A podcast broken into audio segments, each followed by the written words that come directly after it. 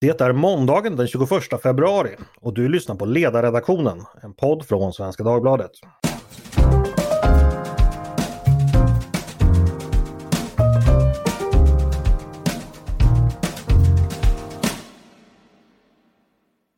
Välkomna! Jag heter Andreas Eriksson. Europa tycks stå på randen till krig. En omfattande ryskt angrepp på Ukraina kan komma när som helst. En mycket stor andel av den ryska krigsmakten är grupperad nära gränsen, både i Ryssland och numera också i Belarus. Och i USA har president Biden sagt att han är övertygad om att beslutet om angrepp redan är fattat. Med mig för att diskutera denna allvarliga situation har jag med mig några kloka personer som ska sprida lite mer ljus över detta. Exempelvis Patrik Oksanen, journalist och medarbetare vid ledarredaktionen och bland annat också senior fellow vid tankesmedjan Frivärd. Välkommen hit Patrik! Tack så mycket! Och du är också välbekant för poddens lyssnare. Och det är också nästa gäst, eh, Fredrik Löjdqvist, chef över Centrum för Östeuropastudier. Välkommen hit Fredrik! Stort tack! Och slutligen ledarredaktionens egna Olof Ehrenkrona. Tidigare bland mycket, mycket annat, eh, exempelvis ambassadör vid UD. Välkommen hit! Tack! Vi ska säga att vi spelar in det här eh, under eftermiddagen den 21 februari. Eh, vi är medvetna om att vi diskuterar en materia som förändras timme från timme, men det här är i alla fall vi ska försöka göra, ge våra bästa kommentarer om vad vi vet om läget just nu. Eh, och jag tänker vi börjar med det mest akuta. Jag tänkte börja med dig Patrik. Eh, hur är läget just nu? Hur nära ett angrepp mot Ukraina kan man anta att vi befinner oss? Och vad vet vi om situationen? Ja, jag skulle sammanfatta det med att säga att vi är mycket nära ett eh, förnyat angrepp mot Ukraina. Eh, så pass nära så att man kan diskutera om det redan faktiskt, kanske just i den här stunden, eh, börjar. Men, men det vi ser är ju en uppspelning som följer ett manus som vi har sett under lång tid. Eh, och det, i det manuset så har det funnits eh, då först militär uppbyggnad i ett par olika faser. Eh, politiska krav som är helt omöjliga att acceptera till USA, NATO och EU. Eh, och eh, som också då skulle få oerhörda omfattningar och konsekvenser för svensk säkerhet. Det kommer ju den 17 december. Sen har vi sett upptrappningen steg för steg. Vi har sett cyberangrepp mot Ukraina. Vi har sett en ökad aktivitet i informationssfären från rysk sida under en lång tid när man trappar upp det här. Man för fram fler och fler militära resurser. Man skapar också en situation eh, där, där eh, man då bäddar för ett militärt angrepp, bland annat då genom att eh, de här så kallade utbrytarrepublikerna vill bli erkända av, av Ryssland och få Sen är det också det som kom här för några dagar sedan när de här så kallade utbrytarrepublikerna i ett förinspelat och planerat meddelande går ut och meddelar om att man nu evakuerar civil civila då från det, de här utbrytarrepublikerna och eh, Ryssland får ta emot en massa flyktingar och annat. Och eh, det som är de senaste sakerna då är ju en rad olika rapporter från rysk sida om påstådda över angrepp och överträdelser av ukrainsk sida in på ryskt territorium och in i, i, i det här separatistkontrollerade, eller egentligen de facto ryskt ockuperade området. Eh, false flag operations helt enkelt. Eh, olika typer av sabotage, påstådda sabotagesaker där man sprider bilder som inte verkar stämma. Eh, uppgifter om artilleribeskjutning som verkar komma från eget territorium etc. etc. Helt enkelt då för att skapa den här eh, förutsättningen som Putin behöver gentemot sin egen befolkning eh, att då kunna leverera det här angreppet på Ukraina. Och medan vi pratar då så, så sammanträder då det nationella säkerhetsrådet då med Putin inför öppen kamera. Så att det är ju ett välregisserat spel som nu spelas upp. Eh, och eh, längs den här vägen så har det funnits många möjligheter för Ryssland att köra av från den här vägen. Eh, och liksom då backa undan och, och, inte driva det till sin spets. Så det har man hittills inte gjort. Jag ser inga signaler på att det kommer att ske. Vilket säger mig om att vi nog får betrakta det som att angreppet är mycket, mycket nära förestående. om det inte händer någonting i sista stund som gör att Putin backar. Men jag kan inte se det tecknet just nu. Mm. Så att vi är på väg att få den största militära konflikten i Europa eh, sedan andra världskriget. Mm. Eh, går över till dig Fredrik. Jag gissar att du kan, inte gör så jätteannorlunda analys av läget men eh, vill du komplettera eller kommentera det som Patrik säger? Jag vill på intet sätt säga emot eh, Patrik eh, och det är helt klart att allting eh, både politiskt, militärt, operativt är nu på plats eh, för en eh, förnyad eh, eh, militär aggression. Alltså kriget har ju pågått sedan 2000 14 med över 14 000 döda eh, eh, och eh, eh illegal annektering av Krim och så vidare. Men att det skulle vara en större eh, militär operation som förbereds. Jag tycker ändå att det är intressant eh, det spel vi har sett de senaste dagarna och den senaste veckan här där det sker en, ett slags brinkmanship, alltså ryssarna eskalerar från dag till dag med nya olika utspel, eh, både retoriska men också på marken i form av olika aktiviteter och så vidare. Vi ser ju också hur detta bemöts, eh, aktivt eller proaktivt bemöts från framförallt för amerikansk sida med en väldigt framåtlutad eh, eh, politisk eh, strategisk kommunikation i form av eh, att man går ut med underrättelsebaserade uppgifter och analyser som ju syftar till att eh, få eh, eh, Ryssland lite grann på bakfoten eh, och eh, att man uttömmer alla möjliga överraskningselement eh, och så vidare. Eh, det är lite svårt att veta vad utfallet av det här pågående mötet i det ryska nationella säkerhetsrådet som pågår just nu kommer att bli. Men jag utesluter inte jag kan se flera, flera alternativscenarier framför mig. Det ena är att man kommer att fortsätta hålla trycket uppe men inte göra den slutgiltiga avgörande eh, militära eh, eskalationen som också då skulle utlösa väldigt starka motreaktioner i termer av, av, av sanktioner. Alltså då har man gått över Rubicon, då har man korsat eh, eh en, en, gräns så att säga. Eh, men att man fortsätter hålla det här trycket uppe också för att uppnå ytterligare eftergifter. Eh, och det, vi ser ju redan hur, hur, hur, Ryssland har flyttat fram positionerna och redan har kunnat kamma hem, hem en del eh, viktiga vinster och eftergifter i förhållande till väst. Eh, det andra är en, en, slags flerskaligt scenario där man börjar med eh, eh att, eh, och det är väl en del i retoriken som tyder det på de, från, från de senaste dagarna, Eh, att man börjar med östra Ukraina eh, och de här så kallade inom citationstecken då utbrytarrepublikerna LNR och DNR. Eh, och det här hotet som finns att man ska erkänna dem. Jag har lite svårt att se varför man skulle erkänna dem. Därför att det här handlar inte om territoriell kontroll och DNR och LNR spelar en viktig funktion i Ryssland ifall man vill gå vidare och inte göra en militär eskalation Eh, för att kunna få eftergifter från Ukraina i den här så kallade Minskprocessen, Normandieformatet. För, för, för erkänner man LNR och DNR då har man liksom klippt av det och det har ju varit det huvudsakliga instrumentet och mycket tyder ju nu på att väst skulle vara beredda eller väst skulle vara berett och framförallt Tyskland och Frankrike men kanske med USAs goda minne att vrida om eh, armen på Ukraina och göra eftergifter, ytterligare eftergifter i den här Minskprocessen för att undvika en militär eskalation. Och det tredje scenariot då det är att man eh, inleder, eh, och det kan mycket väl ske eh, i, i den absoluta närtiden och Patrik kan ha rätt att det kan redan ha inletts just nu eller senare ikväll. Och då, och då kan man ju spekulera kring massvis av scenarier där. Min huvudpoäng är, som jag brukar göra, det är att militärt våld eller hot om militärt våld är inte ett självändamål det är ett medel att uppnå någonting.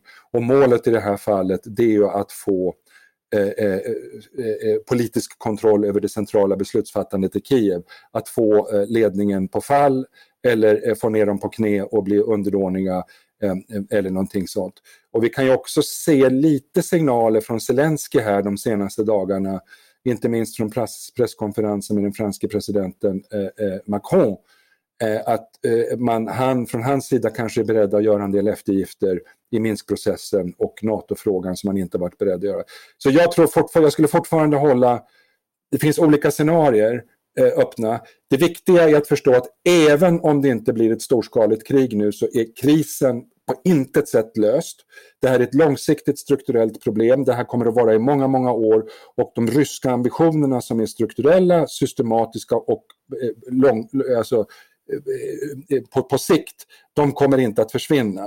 Eh, så att det här är ett problem som vi kommer att hantera lång tid framöver. Det finns ingenting som har där Ryssland har backat. Och det skulle också vara ett misstag för väst att uppfatta avsaknaden av en militär eskalation som en deeskalation, alltså avsaknaden av en upptrappning som en nedtrappning. Det kommer inte att handla om en nedtrappning från rysk sida, att man håller trycket uppe. Men det finns en risk för att väst då andas ut kollektivt och tror att nu är vi tillbaka till någon situation där vi var tidigare. Och det är vi inte, därför att Ryssland har under tiden flyttat fram eh, positionerna avsevärt. Mm. Gå vidare till vår tredje panelist idag. Uh, Olof, när du hör både det Patrik beskriver och det här Fredrik beskriver om att det finns en så att säga, tredelad, uh, tre olika möjliga scenarier övergripande som kan utvecklas. Vad tänker du om deras tankar och vad vill du lägga till?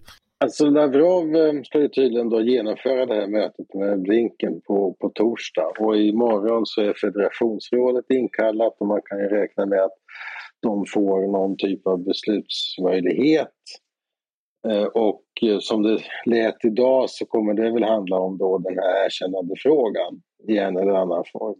Och jag håller med Fredrik om att det vore ju konstigt om de, om de eh, släppte det vapnet. Men det var ju notabelt att Kotsaks föredragning handlade uteslutande om att Kiev inte ville genomföra Minskavtalet och att man la i skulden på Ukraina och konstaterade att de ljög och bedrog. Eh, och ville inte genomföra detta. Eh, så att det var ju väldigt tydligt då vad, vad, vad, vad hans linje var. Sen kom Medvedev efteråt och rekommenderade att man skulle erkänna.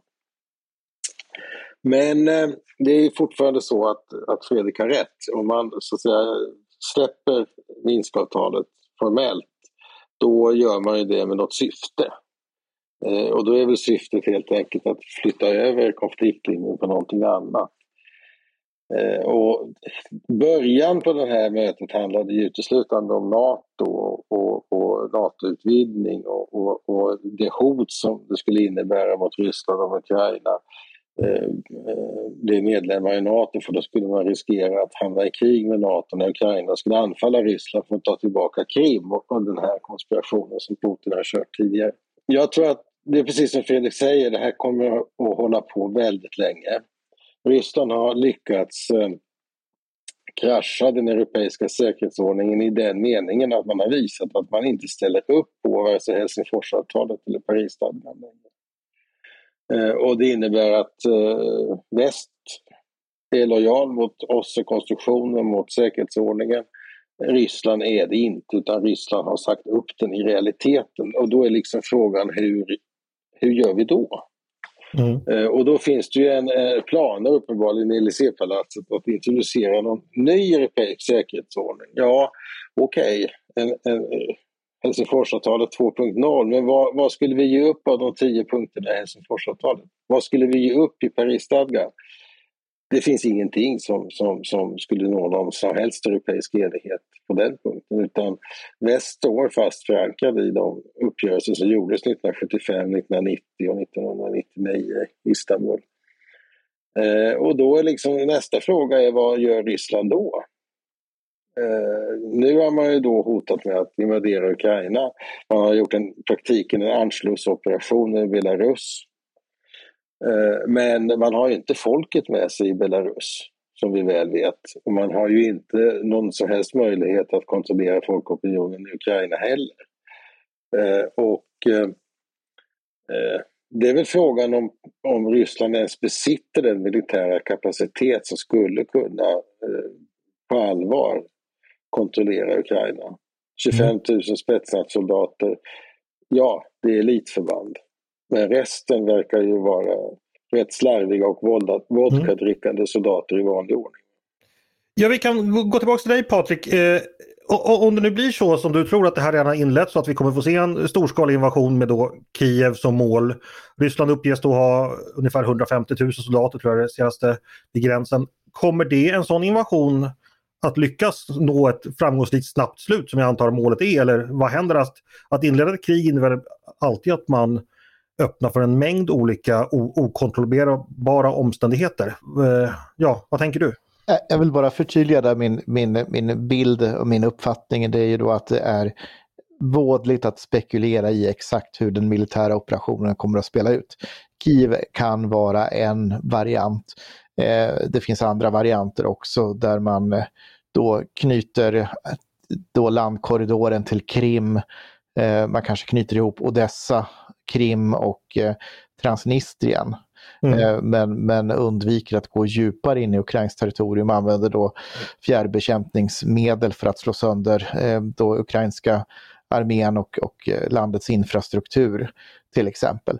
Exakt hur den militära operationen kommer att spelas ut det, det, det, det vi kan säga är att viktig för rysk doktrin är överraskning. Mm. Eh, så att i någon form så kommer vi bli överraskade. Om det blir då ett storanfall mot Kiev med, med, eller om det är någonting annat eller vad det kan bli. Ehm, det, det återstår att se. Eh, jag vill understryka också att jag håller helt med Fredrik om att det här kommer att vara under lång tid. Eh, och vi vet inte vad som kommer att hända, det är osäkerheten i det här. Sedan har också en viktig poäng som Olof kom in på där, det är ju att Putin har ju redan gjort en dramatisk säkerhetspolitisk förändring i vårt närområde utan att vi har noterat den i någon större utsträckning utanför den bubblan av de närmast bekymrade herrarna, vilket vi kan väl kalla den här podden för.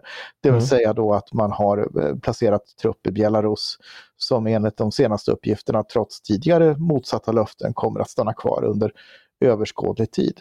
Och genom att det, vi har då permanent trupp i Belarus så förändras det säkerhetspolitiska läget också för Östersjön eh, och situationen särskilt för Polen, Litauen blir mer utsatt då om du har ryska militära förband på plats vid deras gräns för att då kortas också förvarningstiden vid en eventuell konflikt. Och det är ju särskilt då Suvalki-gapet då som liksom då är, är lätt att skära av. Då kapar du Baltikums kontakt med, med övriga EU. Vi kanske ska förklara det. Det är alltså då det, det gapet mellan eh, Kaliningrad-exklaven och eh, Belarus. Precis, precis. Just det. Eh, gå tillbaka till dig eh, Fredrik. Vi, vi, du var med i podden strax före jul då vi kunde konstatera att vad Putin gör då, eh, det är det vi har sagt nu, att utmana den europeiska säkerhetsordningen. Nu säger Olof redan att den så att säga redan är vält över ända för att Ryssland har förkastat den. Eh, de här vintermånaderna som har gått sedan vi pratade i podden dag strax före jul, hur, hur skulle du beskriva dem? Är, är, det som Olof säger att Ryssland helt enkelt har, har förändrat den säkerhetspolitiska situationen i Europa i grunden redan utan att så många har noterat det? Det är det man vill, det är det man vill uppnå. Kanske vi gör ett litet påhak eh, från Patrik och sen komma in på, på, på just din fråga här. Eh, och jag tror att det är viktigt att komma ihåg att vi, vi har alla fokus nu på blir det någon rysk större militär eh, operation mot Ukraina eller inte. Men vi ska komma ihåg att den här Rysslandskrisen som, vi, eh, som är långvarig och strukturell som vi är utsatta för nu, den är, mer, den är bredare än så och omfattar flera eh, motparter och flera områden än bara Ukraina och eh, kontroll över länderna i, i närområdet eh, och att de skulle ingå i någon buffertzon eh, som inte fullt suveräna stater där Ryssland har veto över utrikes och säkerhetspolitiken. Det handlar ju också om en förskjutning, att Ryssland vill åstadkomma en förskjutning i den militära eh, eh, balansen, både den strategiska och konventionella balansen i Europa. Och det är ju tydligt uttryck i de här två avtalsutkasten, den här så kallade kravlistan då som ryssarna la fram i mitten av december. Och det omfattar ju i allra högsta grad Belarus och Kaliningrad. Eh, och här pågår ett parallellt spel som indirekt har med Ukraina att göra men inte direkt med Ukraina, nämligen en, en, en positionering och en säkerhetspolitisk signalering i förhållande till Washington. Och det handlar ju om medeldistansrobotar, Eh, det handlar om, om, om, om, både strategiska och substrategiska kärnvapen och konventionella vapen. Och nya vapensystem då som eh, skär på tvärs genom de här kategorierna eh, inte minst de här så kallade hypersoniska vapensystemen. Och förutom det som Patrik pratade om där, nämligen att man lämnar kvar manskap och trupp, så kan det också handla om att man flyttar fram eh, Eh, då både hypersoniska vapen eh, eller till exempel en landbaserad variant av den här kryssningsroboten Kaliber som då skulle vara ett svar på eh, USAs utplacering av det så kallade Aegis Ashore-systemet i missilförsvarssystemet i Polen och Rumänien. Och det handlar om en positionering eh, inför eh, ett, eh, eventuella förhandlingar om ett nytt medeldistansrobotavtal, ett nytt INF så att säga. Så det pågår flera parallella saker här samtidigt. Eh, och det är det som är hela grejen, att den underliggande eh, ryska drivkraften i det här, det är ju att åstadkomma ett permanent, eller ett mer permanent skifte av, av liksom de tektoniska kontinentalplattorna i hela det europeiska säkerhetssystemet. Det handlar om Ukraina och det handlar om närområdet, men inte bara. Det handlar om den här militära maktbalansen och det handlar också om nya spelregler eller att man, man raserar den gamla ordningen. Eh, och här ser vi ju då att, så att säga, Ryssland flyttar fram, Ryssland har nu formulerat dagordningen och väst reagerar fortfarande i hög grad eh, på, på, på, på det ryska problemformuleringsprivilegiet, vad man ska prata om och vad man inte ska prata om.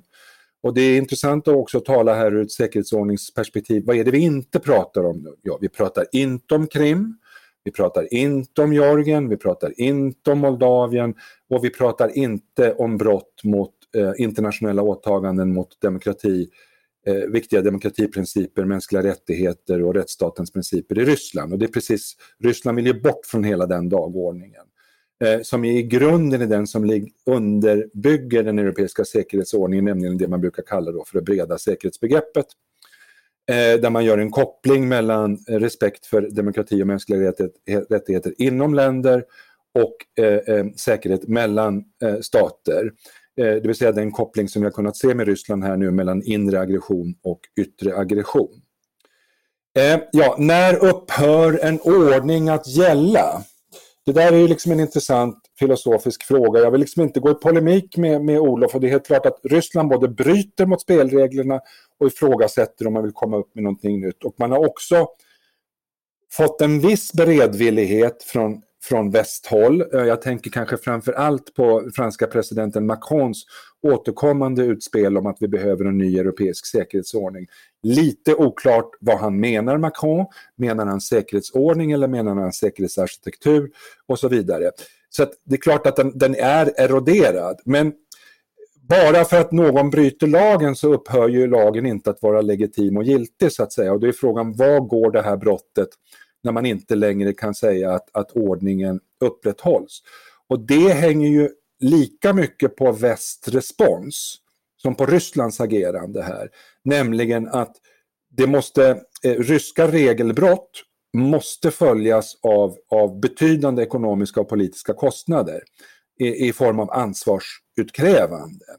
Och gör det inte det, om Ryssland tillåts flytta fram positionerna och att vi i tysthet så att säga, accepterar nya fakta på marken eh, därför att vi vill vara realister och det finns ändå ingenting att göra, ja då underminerar vi eh, ordningen. Och det är det som jag brukar kalla för motsvarigheten till säkerhetspolitikens moral hazard. Jag kanske tycker det är lite för tidigt att säga att väst inte ändå kommer att stå upp på ett robust sätt. Eh, så jag vill, jag vill kanske aningen lite, lite mer, mer eh, positiv eller optimistisk eh, än, än Olof där. Mm, vi släpper in Olof igen. Ja, nej, men jag håller helt med dig. Det är ju, man kan ju säga att säkerhetsordningen eller, eller lagen upphör att gälla när det inte finns någon polis som implementerar den. Så, så är det, och det inte finns några domstolar som dömer ut straff. Eh, och, och, det är ju det är också det som folkrätten vilar på. Menar, att det finns, eh, det finns rättigheter och, och, och skyldigheter som, som eh, om, om man inte följer dem så blir det sanktioner.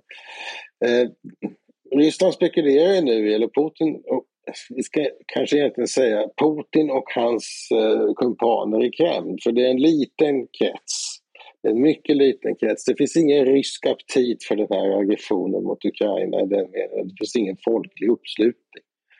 Utan det här är, det är lite som om man har fått in eh, ett gäng flygplanskapare i cockpit eh, och resten sitter som gisslan i det här planet. Va? Eh, och då måste man ju hantera det. Normalt sett så tar ju det mycket längre tid än själva kapningen, det vet vi. Och så är det även i det här fallet det kommer att ta tid att återföra Ryssland till en anständig, anständig hållning. Och min bedömning är att det kommer inte att gå så länge Putin och hans gäng sitter kvar i Kreml utan det kommer att krävas ett, eh, att vi väntar på att det blir en regimförändring på ett eller annat sätt. Och eh, vad som nu händer är att vi får en hel ny generation europeer som växer upp med ett Ryssland som inte är att lita på. Med en regim som ljuger, som vilseleder och som bedrar och som alla ser ljuger, vilseleder och bedrar. Och det är klart att det är ju en väldigt stor förändring jämfört med den generation som växte upp under 90-talet och, och tittade på den förändring som inträffade när Sovjetunionen bröt samman och Berlin föll. Va? Nu är vi i en antagonistisk relation med Ryssland, inte till följd av vad väst har gjort utan till följd av vad den ryska ledningen har gjort.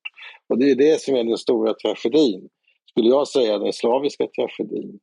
Att man eh, förvandlar, förvandlar ett stort land till en, eh, till en global paria, för det är ju det som de facto blir följden av om man om man fullföljer den kurs som man nu har slagit in på. Mm. Finns det något mer du kan säga om den här lilla kretsen? Eh, de har ju bakgrund då många av huvudaktörerna i underrättelse och säkerhetsorgan, eh, KGB helt enkelt. Eh, och det är en ganska trång krets. Vilka består de av och vad, vad kännetecknar de mer, Olof? Ja, det är ju Putins Sankt Petersburg-gäng.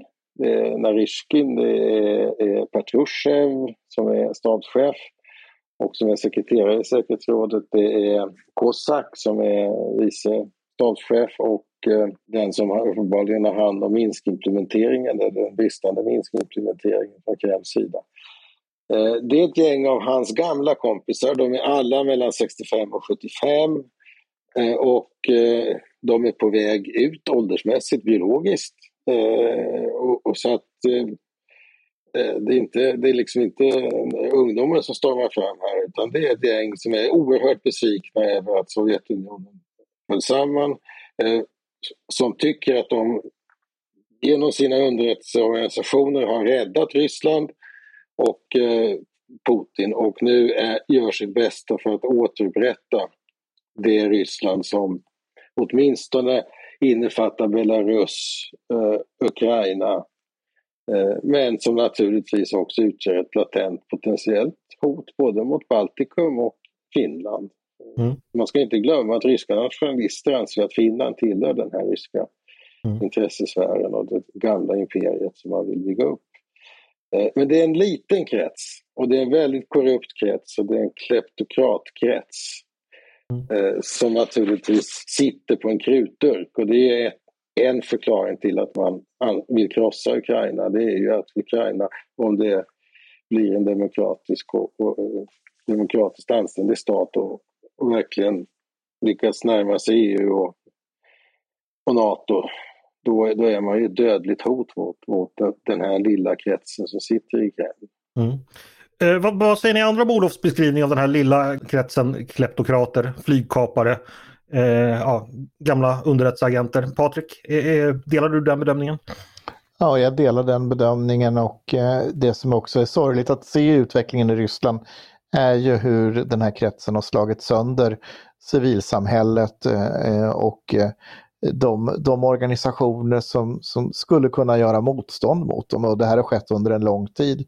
Och det kulminerade ju före årsskiftet här vid med eh, bland annat då när man förbjöd eh, Memorial, den organisation som har gjort så mycket för att kartlägga Stalins övergrepp under Sovjettiden bland annat.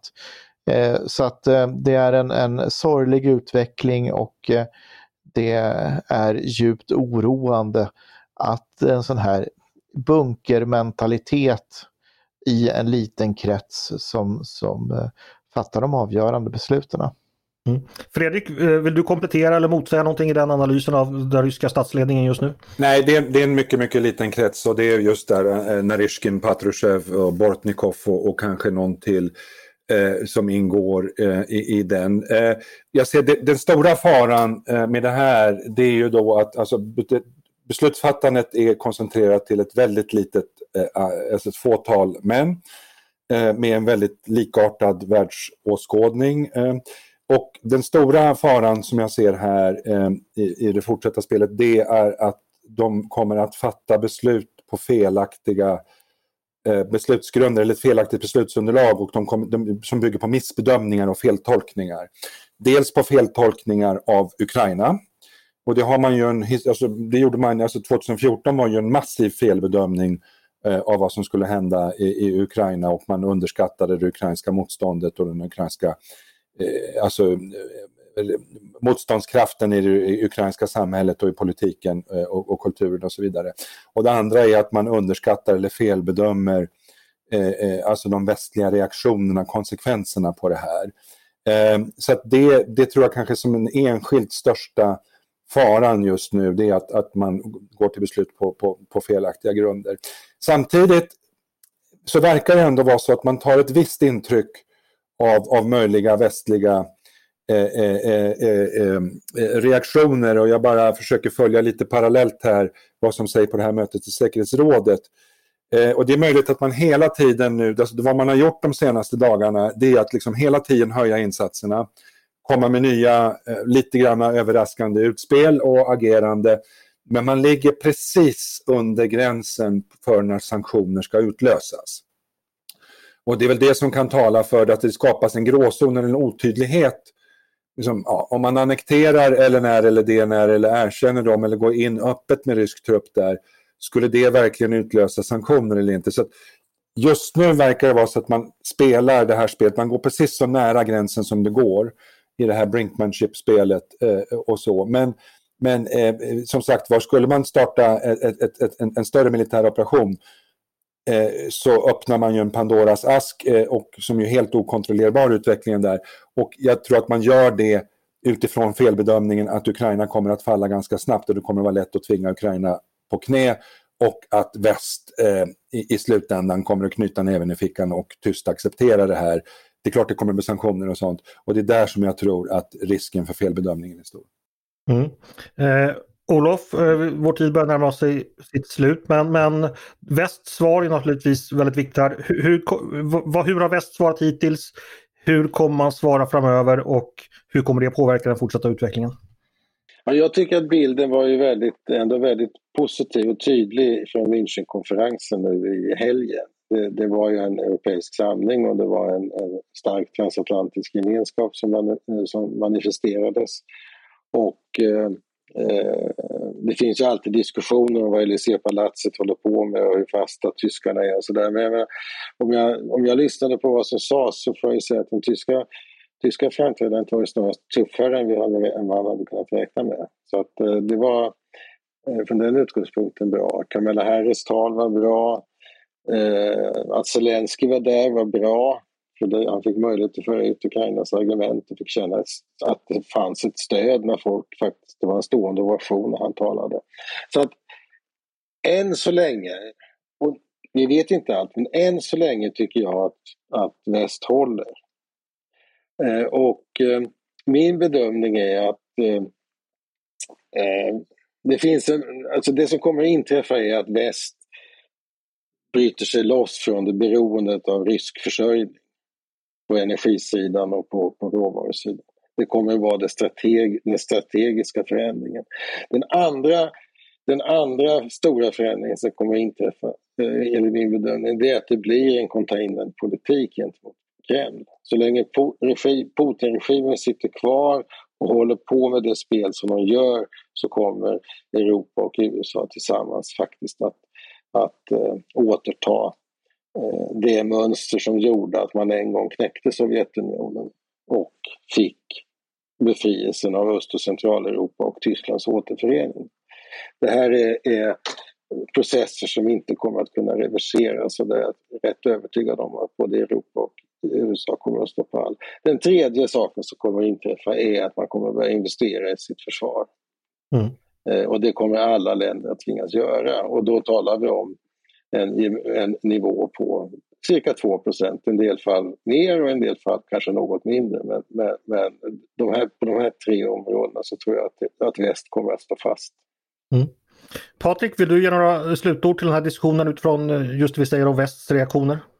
Ja, de slutorden då så vill jag ju då understryka och förstärka att den diplomatiska aktivitet vi har sett sedan 17 december på den västliga sidan och den samordning och synkronisering som det har inneburit har varit oerhört viktigt och har nog överträffat Kremls farhågor. Eh, jag tror inte att Kreml hade räknat med, med det här och eh, en liten detalj i sammanhanget är ju Lavrovs brev till alla OSSE-medlemmar där han kräver då att alla ska svara individuellt. EU-länderna och NATO-länderna synkroniserar sina svar och skickar ett svar. Eh, det är ett, en, en sån signal som är väldigt viktig i det här sammanhanget. Sen tycker jag också att det amerikanska informationskrigföringen, om vi får kalla det för det, eh, mot Ryssland i den här situationen, den har varit väldigt lyckosam på det sättet att 2014 blev vi tagna på sängen i väst. Det är vi inte idag. Att släppa de här underrättelseuppgifterna har tjänat ett syfte och det har tjänat två syften skulle jag säga. Ett, det har förberett oss mentalt på vad som kan komma att hända. Eh, och två, det har också tvingat Ryssland att kalkylera på ett annat sätt kostnaderna. Och nu ser vi också effekterna.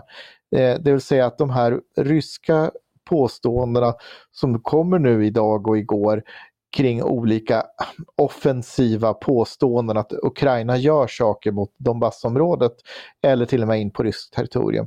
Det avfärdas ju väldigt mangrant i medier och i sociala medier som den false flag operation, de falska nyheter som det faktiskt är. Och det är en sen förändring jämfört med 2014. 2014 var man oerhört framgångsrika därför att den här metoden eh, var vi inte vana att hantera i väst. Så vi svalde det, det gör vi inte nu. Och det är en avgörande skillnad skulle jag säga jämfört med, med 2014. Mm. Eh, Fredrik, slutligen, och, och vill du lägga till någonting till den diskussion vi har haft, du som inte har kommit fram tidigare, eller kommentera någonting som de andra har sagt? Nej, egentligen inte, utan jag tror att vi, vi, vi har berört de viktigaste punkterna här. Ja. Stort tack säger vi då till Patrik Oksanen, Fredrik Löjdqvist och Olof Ehrenkrona för att ni var med i podden idag. Innan jag tackar helt för idag ska jag också passa på att tipsa om en annan podd som vi gör på Svenska Dagbladet. Det är nyhetspodden Dagens Story där ni på en kvart varje dag får en fördjupning i ett aktuellt ämne. Men det ni lyssnar på nu det är alltså ledarredaktionen inspelat på eftermiddagen den 21 februari 2022 där vi har diskuterat situationen i Ryssland och följer den dramatiska utvecklingen där. Vi kommer säkert återkomma till ämnet. Eh, ni är också varmt välkomna att höra av er till podden, eh, eller till redaktionen ska jag säga, med tankar och synpunkter på det vi har precis diskuterat. Eller om ni har idéer och förslag på saker vi ska ta upp i framtiden. Maila då bara till ledarsidan snabela svd.se. Dagens producent, han heter Jesper Sandström. Jag heter Andreas Eriksson och jag hoppas att vi hörs igen snart.